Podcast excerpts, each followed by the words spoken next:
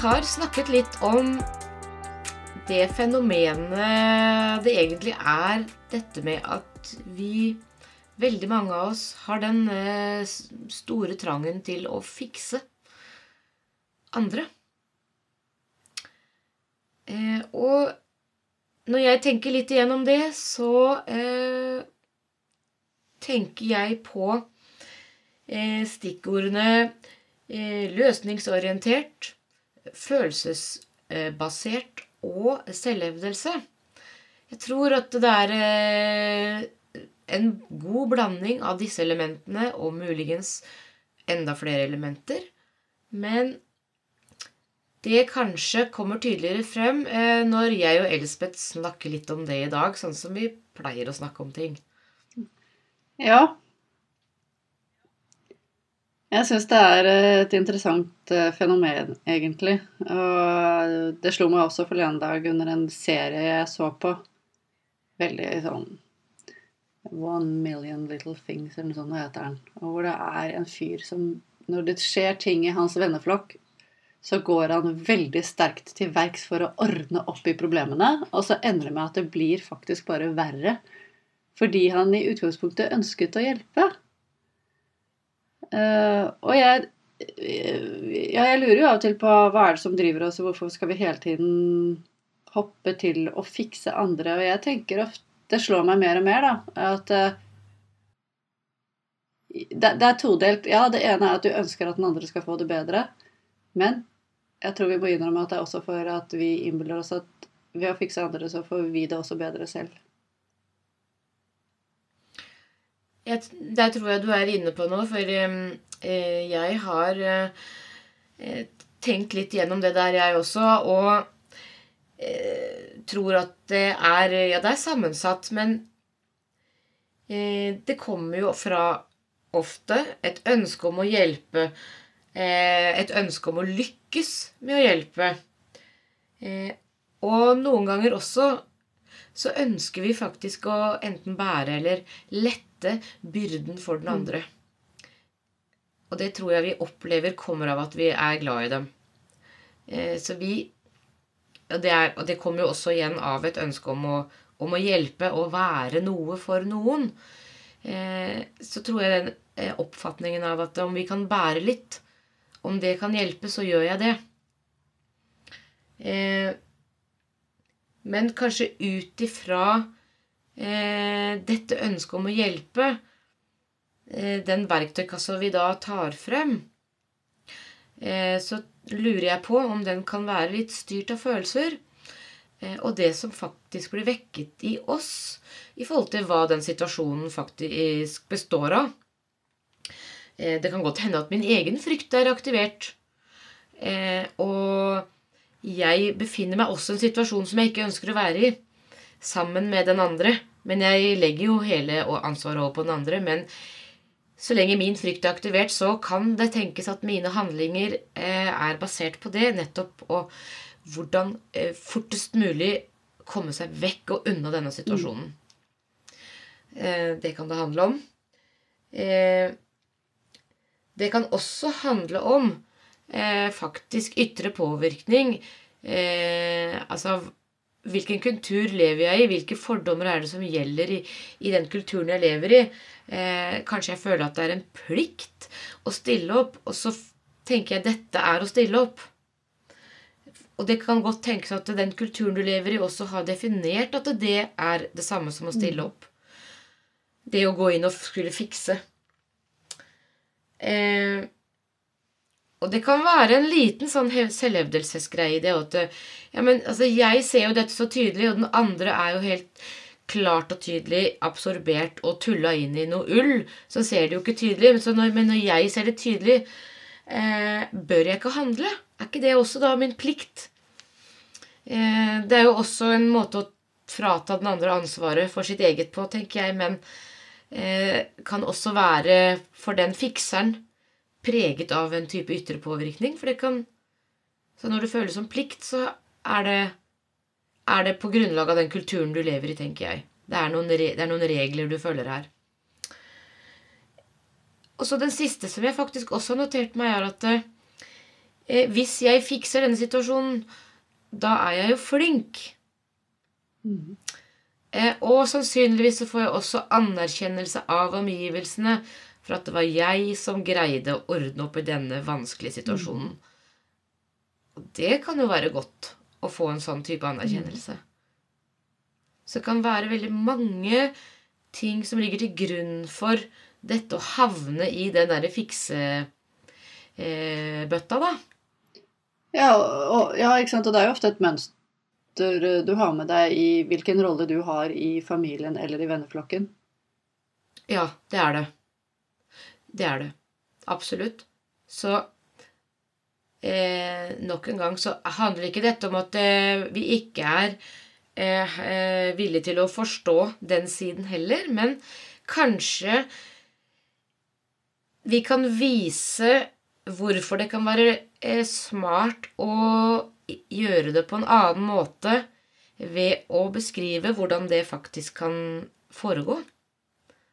Fordi vi har jo etter hvert ganske god erfaring med eh, dialog i grupper, f.eks., eh, og å dele i grupper. Hvor det elementet, det fikseelementet, det at vi deler ikke for at alle andre da skal fikse det vi kommer med, det er ikke greia i de gruppene.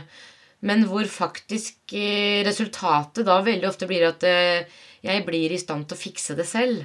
Ja, jeg syns det er et veldig, veldig fin premiss man har ved inngangen til både dialoggrupper og gruppeterapitimer hvor eh, de som holder gruppen, da, altså de som er tilretteleggere for det som skal skje, de er, er tydelige på at her er det ikke snakk om å fikse. Og det tenker jeg er et så det er, et budskap vi vel ikke er vant til å høre nettopp fordi vi er styrt av alt det du nettopp har nevnt. Eh, både av kjærlighet og, og, plikt og forventning og egen forfengelighet, vil jeg påstå. Eh, selv om vi ikke liker å se det sånn, så tror jeg vi må innse at det kan av og til være mye av det som ligger bak. Vi tror det kan være en kjærlig handling, men det kan dessverre ofte tror jeg, handle litt om oss selv også, og, og veldig interessant å, bli bedre kjent med det feltet. Det jeg vil si nå, er uh, tilretteleggere for samtaler som er tydelige på Nei, her skal ingen fikse hverandre. Hva gjør det med den gruppen vi er i? Jo, jeg vil påstå at det gir, eh, av egen erfaring, det gir en utrolig fin frihet både når du er den som deler personlige historier, og du er den som lytter til personlige historier. Fordi når du har noe personlig du vil dele, så er det nettopp ikke det at du alltid er så veldig interessert i å bli møtt med noe tilbake. Det du ønsker, det er å dele, så kan det legges ut i gruppen, og det er en samtale rundt tematikken. Det kan det gjerne være. Men uten å føle at du skal gjøre deg selv svar skyldig i noe. I en opplevelse, i en følelse, i en erfaring. Du skal rett og slett bare bringe det ut der. Ja, kan jeg få lov til å legge til noe også? Fordi det første jeg har lyst til å, å påpeke her da, eh, som, jeg, eh, som jeg føler eh, når jeg tenker tilbake på mine første erfaringer med å være i sånne grupper. Så det er den store forskjellen der ved at eh, når jeg vanligvis eh, sitter i grupper og blir bedt om å dele noe, så, eh, så blir jeg nervøs, eh, og jeg blir litt sånn eh, hakkete i fortellingen fordi at jeg blir så veldig opptatt av hvordan skal jeg fortelle dette her nå for å unngå å få alle de rådene, alle de fikserådene som ikke jeg ønsker. Det er ikke det jeg ønsker med å fortelle det jeg skal fortelle nå. Så det overtar så mye av historien min at historien min blir farget av det. Eh, og så tror jeg dessverre at da skjer det jeg ikke vil skje også. Fordi jeg greier ikke å, eh, formidle det som egentlig eh, er greia mi akkurat da. Jeg blir det, Altså, det tar over. Så, så, det er det første jeg har lyst til å påpeke eh, når du er i en gruppe hvor det uttrykkelig blir eh, lagt som premiss at her er ikke hensikten å få tilbakemelding eller respons. Hensikten er at du skal kunne føle deg eh, trygg nok til å dele akkurat det eh, som er i deg akkurat nå, på akkurat hvilken som helst mm. måte. Det spiller ingen rolle. Mm. Og i, i, en sånn type gruppe så har du både sant, Du har deltakere som både snakker og som lytter, og begge deler har så, har så god verdi. Eh, for hva ville en gruppe vært uten de som delte, og hva ville, en, hva ville en gruppe vært uten de som lyttet? Eh, og dette premisset for å eh, ikke, ikke skulle fikse, det gir også deg som lytter, når du har den rollen, en utrolig mulighet til å sitte og ta imot uten å skulle aktivere 'hva skal jeg svare på dette'? Hva forventes av meg i dette? Eh, du har fått beskjed om å ikke hoppe til å skulle eh, redde eller fikse den som sitter ved siden av deg. Eh, ofte så får du også beskjed om du skal ikke ta på hverandre engang. Og det kan være veldig rart til å begynne med, for vi er så vant til å legge en hånd på skulderen og, og sånn.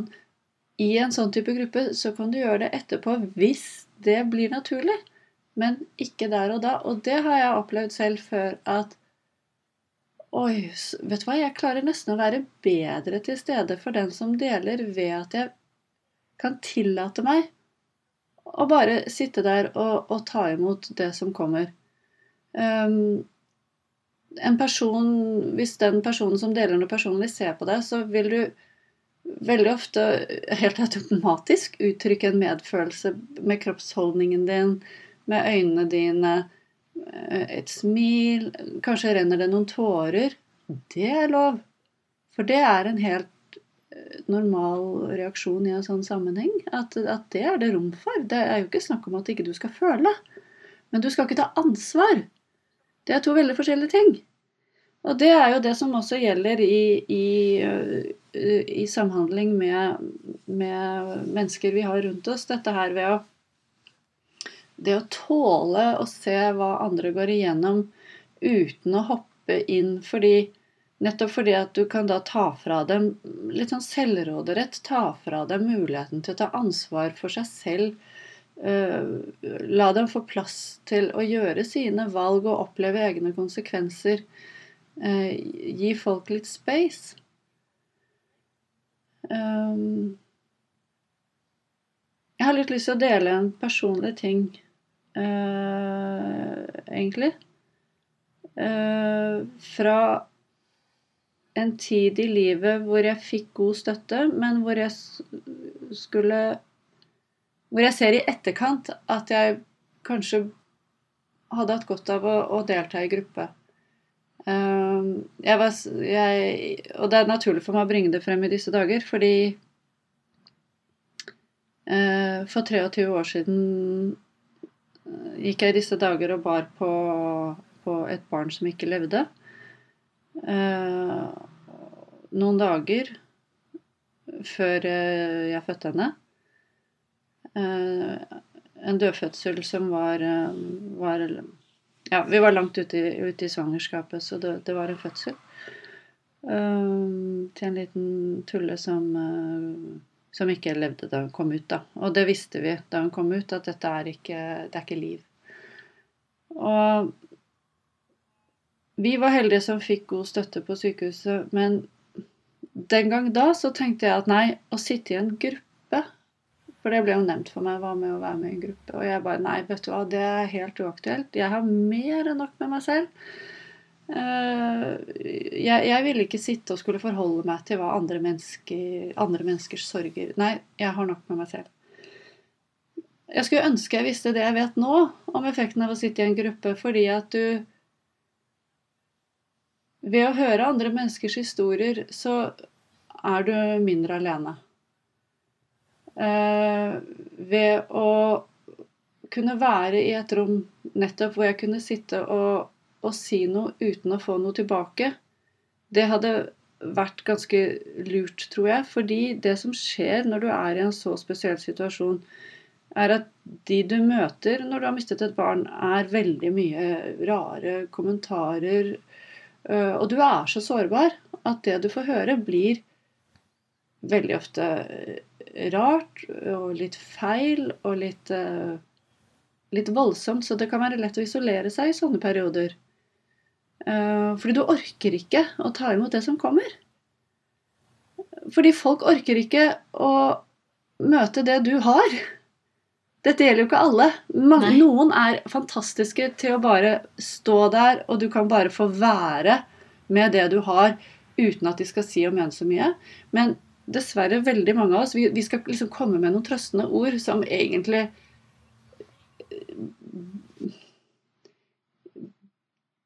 blir veldig mye å bære for den som står i det som er vondt, da. Uh,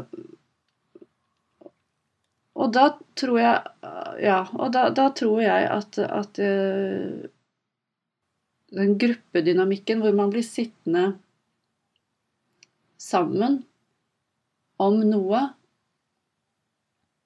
hvor andre som er i, en tilsvarende situasjon, kan komme med noe som er litt eh, bedre for deg å ta inn og, og stå i. Ja, og så, så tenker jeg også på at det som er litt av magien for meg eh, som oppstår i sånne grupper, er at eh, du kommer kanskje med en historie som, og en opplevelse som ingen andre har, eh, men så kommer andre med, med sine opplevelser eh, og sine historier. Så er det allikevel slik at det, det alltid oppstår en sånn slags eh, For min del i hvert fall at når de forteller sine, sine greier, og så er det alltid en eller to elementer i denne historien som bare Ja, det kjenner jeg igjen. Og det kjenner jeg igjen, og det kjenner jeg igjen. Det der har jeg også følt på, det der har jeg også opplevd. Eh, og kanskje det også er eh, Og det fikk ikke jeg tatt med i den eh, historien om min opplevelse her nå, men egentlig så, så var det det òg.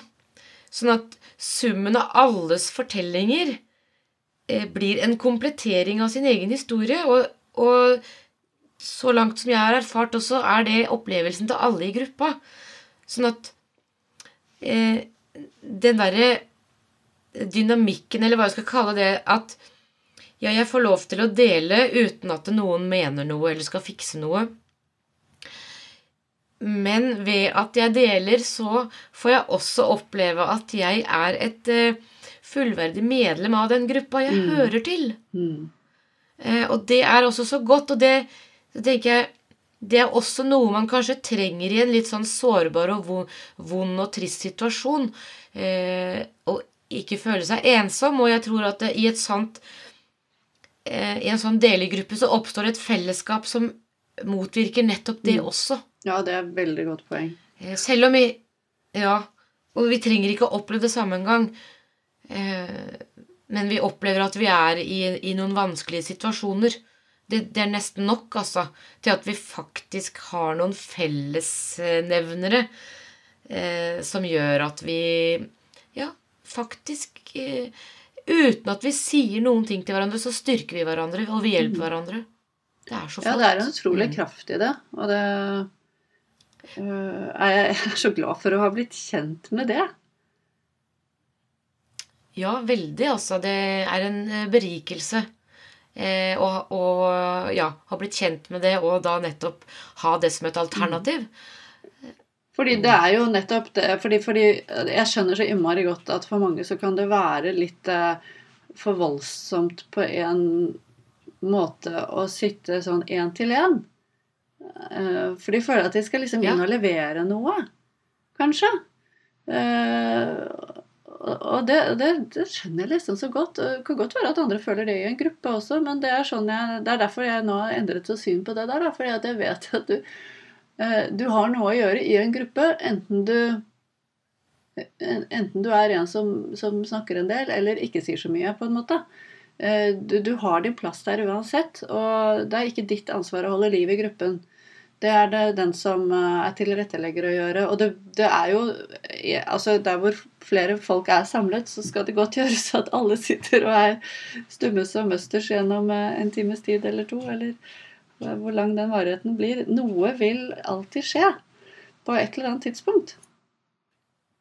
Mm, ja, det vil mm. det. Det vil det. Mm. Absolutt. Så eh, Ja, og jeg jeg eh, tenker også på at eh, Jeg tror det er et behov i oss når vi har opplevelser som går eh, inn på oss. Som, ta, som, som da altså Vi havner der hvor det tar veldig mye av både tankevirksomheten vår og følelses, følelseslivet vårt og alt mulig så er det et behov i oss å få det ut. Det er en av måtene å eh, komme seg videre på. Altså når du ikke forteller noen ting om hvordan du har det, eller hva du står i, til noen, så har vi en tendens til at da havner vi i den grublefella. Vi, går, vi sitter liksom i våre egne tanker, og de går egentlig i ring i det øyeblikket du faktisk sier det, da skjer det noe inni deg også. Eh, og da kanskje det også blir bevegelse inni deg. Da kommer du deg liksom eh, Kanskje litt videre, da. Og det er ikke nødvendigvis at vi skal, skal et bestemt sted, men å sitte fast i sånne grublerier er eh, veldig sjelden bra i lengden, da. Eh, så, så, Og det kan jo være akkurat som du sier, at du eh, til å starte med kommer til en gruppe uten at du tenker at det er du som skal stå først i køen for å dele, men at eh, bare det å være der og erfare hvordan de andre gjør det, kan jo få det til å bli litt tryggere for deg å gjøre det. Fordi at du innerst inne vet at det er lurt for deg også. Og i hvert fall når du vet at det da ikke havner eh, i liksom den settingen hvor eh, det blir satt i gang en hel masse greier fordi at alle andre plutselig skal fikse. I en sann setting så får du lov til å gjøre eh, i ditt tempo. Altså ting får lov til å skje i sitt eget tempo. Ja. Det er det. Eh, og det kan eh, Ja, så det, det håper jeg liksom å formidle i dag. En slags trygghet på at det er nettopp det du får i sånne eh, dele- og dialoggrupper, da. Ja, det er det. For eh, ja, i forkant av at vi skulle snakke om dette i dag også, så skal jeg innrømme at jeg, sant, jeg begynte å gruble, egentlig. Ja, altså, hva slags faglig eh, stoff har jeg å, å, falle tilbake på hvis vi skal snakke om hvorfor det er fint med deligrupper, eller eh, Og hvorfor det ikke er så lurt å være den derre fikseren alltid. Eh, og ble liksom litt redd, da. Men jeg, jeg, tror det er noe av Det er ikke nødvendigvis så mye faglig som trengs, for det er eh, Jeg liker jo å bruke ordet magi, da. Jeg syns det er morsomt at du sier det, for det Ja, det er gøy du sier det, for jeg, jeg får jo selvfølgelig alltid den samme følelsen. Og så eh, ja, dette her med, med, med, det faglige og tyngde og sånn, men så er det jo nettopp noe med det med den eh, verden vi er i, og hva vi har lært oss, at eh, jeg føler at jeg kan fint legge de litt bøkene litt til side, for jeg er mye mer opptatt av å tenke litt praktisk. Og hvordan er det i livet? Hvordan er virkeligheten? Så jeg blir litt sånn, legger de bøkene litt på båten, og så tenker jeg ok, hvordan opplever jeg det? Hvordan er det for meg? Hvordan tror jeg det er for de rundt meg? Sjekker det ut. Hvordan er det for de rundt meg? Jeg syns det, det, er så mye viktigere. Uh, og du kan mm. lese hav av bøker også hvis du selv står i en spesiell situasjon, men det er der jeg igjen tenker at ja, bare fortsett å lese. Du vil aldri tape noe på det. Men å være et sted i det virkelige livet med andre mennesker og høre hvordan de faktisk opplever det, det har en helt annen effekt. det går rett inn i margen på deg på en annen måte, føler jeg, da, enn det en bok kan gjøre. Og litt, jeg føler litt sånn ut ifra den personlige historien jeg delte i sted, at jeg, hvis det er noen der ute nå som gjør, seg tanker rundt det å miste et barn, enten de har gjort det selv, eller de kjenner noen som har gjort det, i tilfelle de da ikke kjenner til den foreningen som heter Vi som har et barn for lite, så vil jeg gjerne opplyse om at det fins. Og de arrangerer lokallag nettopp hvor man kan komme og, og dele disse personlige historiene. Uh, og, og, at det Og de har medlemsblad, og de har også noen årlige seminarer hvor uh, folk flys inn fra nær og fjern og kan samles til et sånn felles uh, arrangement på et vis, da. Mm. Jeg, mm, jeg, vil ja. fortelle det. Og det, der er jo alle velkomne, uavhengig av hvordan de mistet et barn, eller hvor lenge det er siden. Alle er velkomne der. Ja, det er kjempefint at, at det fins. Ja. Eh, og jeg vet det fins Det fins mange delegrupper der ute, men eh, jeg får også litt lyst til å si at vi er også åpne for å, å starte delegrupper. Ja, absolutt. Eh, så det går faktisk an å ta kontakt med oss og, og også. Og høre om ikke vi hva vi kan tilby på den fronten. For det, det er vi virkelig forkjempere for og eh, driver med ja. selv også. Mm. Veldig, veldig gjerne. Så bra, Mette. Skal vi da ja. oppfordre lytterne til uh, bare uh, Du kan gjerne fikse badet, men ikke mennesker. Veldig bra sagt. Takk for praten, da. Takk for praten.